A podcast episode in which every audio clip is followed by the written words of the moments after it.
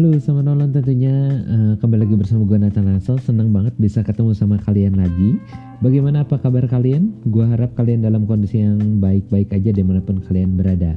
So di kali ini gue akan cuman uh, ngebahas-bahas ringan soal uh, update seputar kejadian yang saat ini uh, kita alamin seputar berita-berita ringan. Hari ini gue gak akan bahas satu topik tapi gue akan lebih ngebahas soal apa sih yang lagi update banget nih lagi terjadi di dunia saat ini. Oke okay, dan uh, sebelumnya thank you juga buat kalian yang udah setia banget dengerin dari podcast gue yang pertama sampai podcast gue yang kesekian.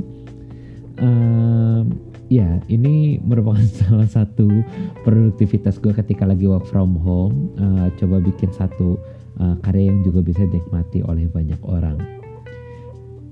Nah, uh, sama work from home ini apa sih eh, berita-berita yang paling update banget yang kamu tahu? By the way, uh, podcast ini di record tanggal 5 Mei 2020. Jadi kalau misalnya uh, kalian dengerin setelah tanggal 5 Mei ini, mungkin ada beberapa berita yang udah ketinggalan. So, uh, cuman ngasih info aja kalau podcast ini di record tanggal 5 Mei 2020. Nah kalau kalian berita terbaru apa sih yang udah kalian dengerin? Gue jujur aja di pagi ini dikagetin sama ada berita diawali dengan berita duka. Ya, tentunya kita semua tahu kita uh, kehilangan salah satu seniman karya uh, pemusik yang luar biasa yaitu almarhum Didi Kempot yang uh, berpulang sobat sobat sobat lagi ya sobat ambiar tentunya uh, kehilangan banget nih yang suka joget-joget bareng. Sobat ambiar yang fans beratnya Didi Kempot pasti akan ngerasa banget uh, kehilangan ini. Tentunya uh, seluruh doa kita mengiringi supaya uh, almarhum bisa mendapatkan tempat yang terbaik ya. Nah, gue juga mau nanya nih sama kalian di uh, work from home yang udah jalan mungkin udah hampir dua bulan ya work from home ini. Uh, kira-kira gimana produktivitas kalian masih berjalan baik atau enggak sih?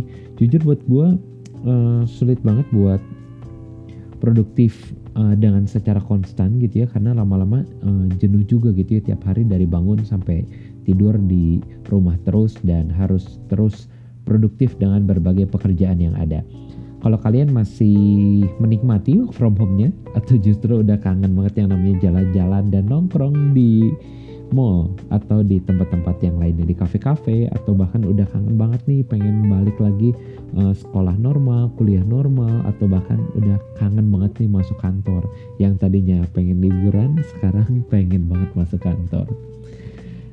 Nah, uh, hari ini juga gue ada berita dari teknologi. Ini dari teknologi ada berita tentang PewDiePie. Tentunya siapa yang nggak tahu uh, youtuber yang satu ini, youtuber yang punya subscriber terbanyak di YouTube ini, sering banget nih dijuluki sebagai King of YouTube. Nah ini uh, kalau di sebelumnya di tahun 2019 ini PewDiePie uh, sempat ngumumin bahwa dia uh, gak akan lagi streaming di YouTube dan dia mengalihkan streamingnya ke platform yang lain. Dan juga uh, dia juga pernah dikabarkan uh, break dulu dari uh, kesibukan dengan YouTube-nya itu. Dia sempat uh, break dulu dan akhirnya kembali lagi dan uh, kini PewDiePie kembali ke platform YouTube dengan kabar bagus nih terutama untuk kamu yang senang banget dengan games nontonin dia main game ataupun uh, sekedar nontonin vlog-vlog pribadinya.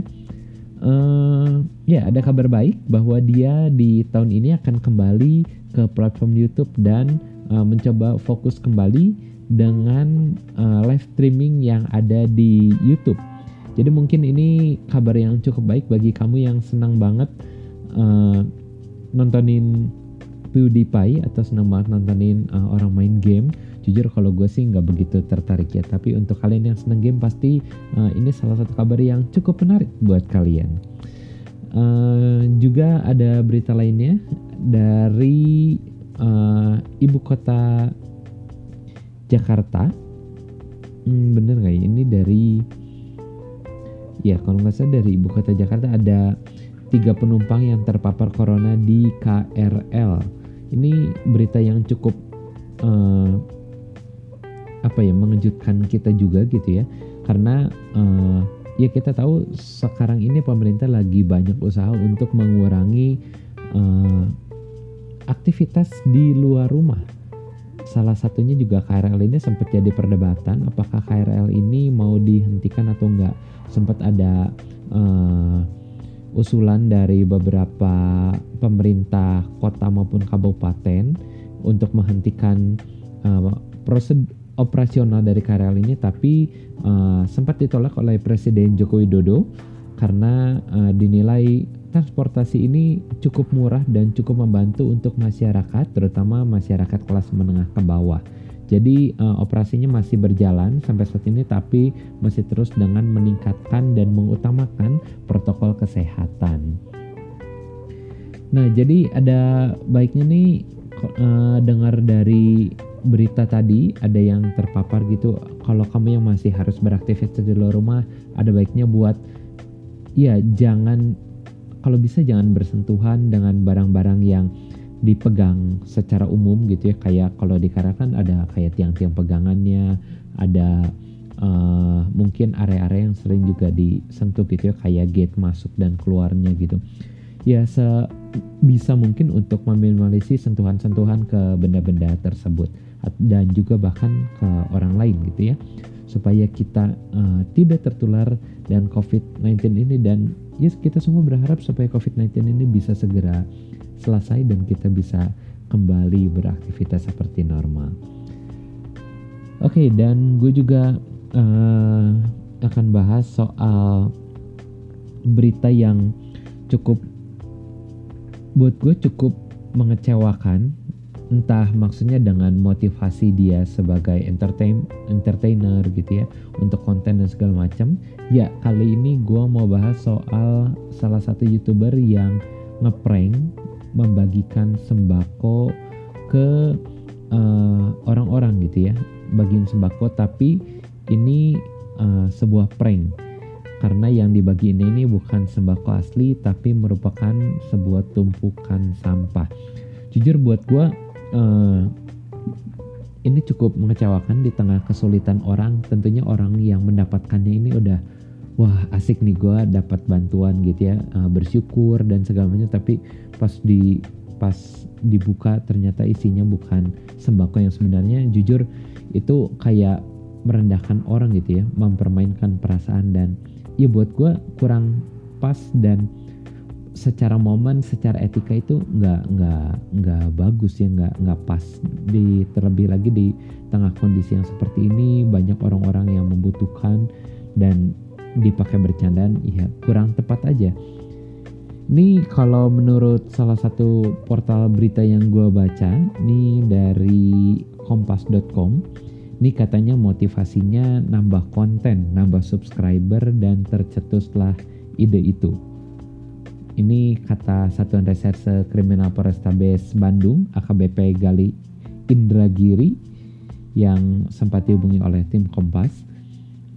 Hmm, ya, jujur buat gue yang seorang youtuber juga, um, gue kayaknya naikin subscriber nggak sampai segitunya banget ya. Maksudnya gue masih menggunakan hal-hal yang dengan etika yang wajar dan juga cara yang benar gitu ya. Ya kalau mau gue rasa ya kalau mau nambah konten dan juga subscriber gitu harusnya ya berkarya dengan karya yang lebih bagus. Kayaknya orang kalau lihat karyanya lebih bagus juga orang akan dengan sendirinya mensubscribe channel tersebut. Setuju gak sih kalian sama gue um, ya walaupun gimana juga ini juga banyak dapat kritikan dari banyak orang yang akhirnya uh, kasus ini menempuh jalur hukum. Ya kita berdoa supaya kasus ini bisa dapat solusi yang terbaik dan juga bisa jadi pembelajaran buat kita semua. Tentunya bagi kalau uh, ada content creator yang baru-baru nih jangan cuman gara-gara like dan juga uh, subscriber atau followers gitu ya. Menomorduakan etika dan juga uh, harga diri orang lain. Tetaplah jaga etika dan harga diri orang lain Oke okay, dan uh, gue rasa itu ada uh, beberapa hal yang bisa gue bahas di hari ini. Boleh dong kalian uh, share sama gue di Instagram gue di @hansalhan. Kira-kira apa sih yang kalian lakukan untuk mengisi work from home kalian di masa-masa seperti ini? Sibuk tiktokan atau sibuk nyoba resep-resep baru? Kalian lebih banyak uh, produktif atau enggak sih?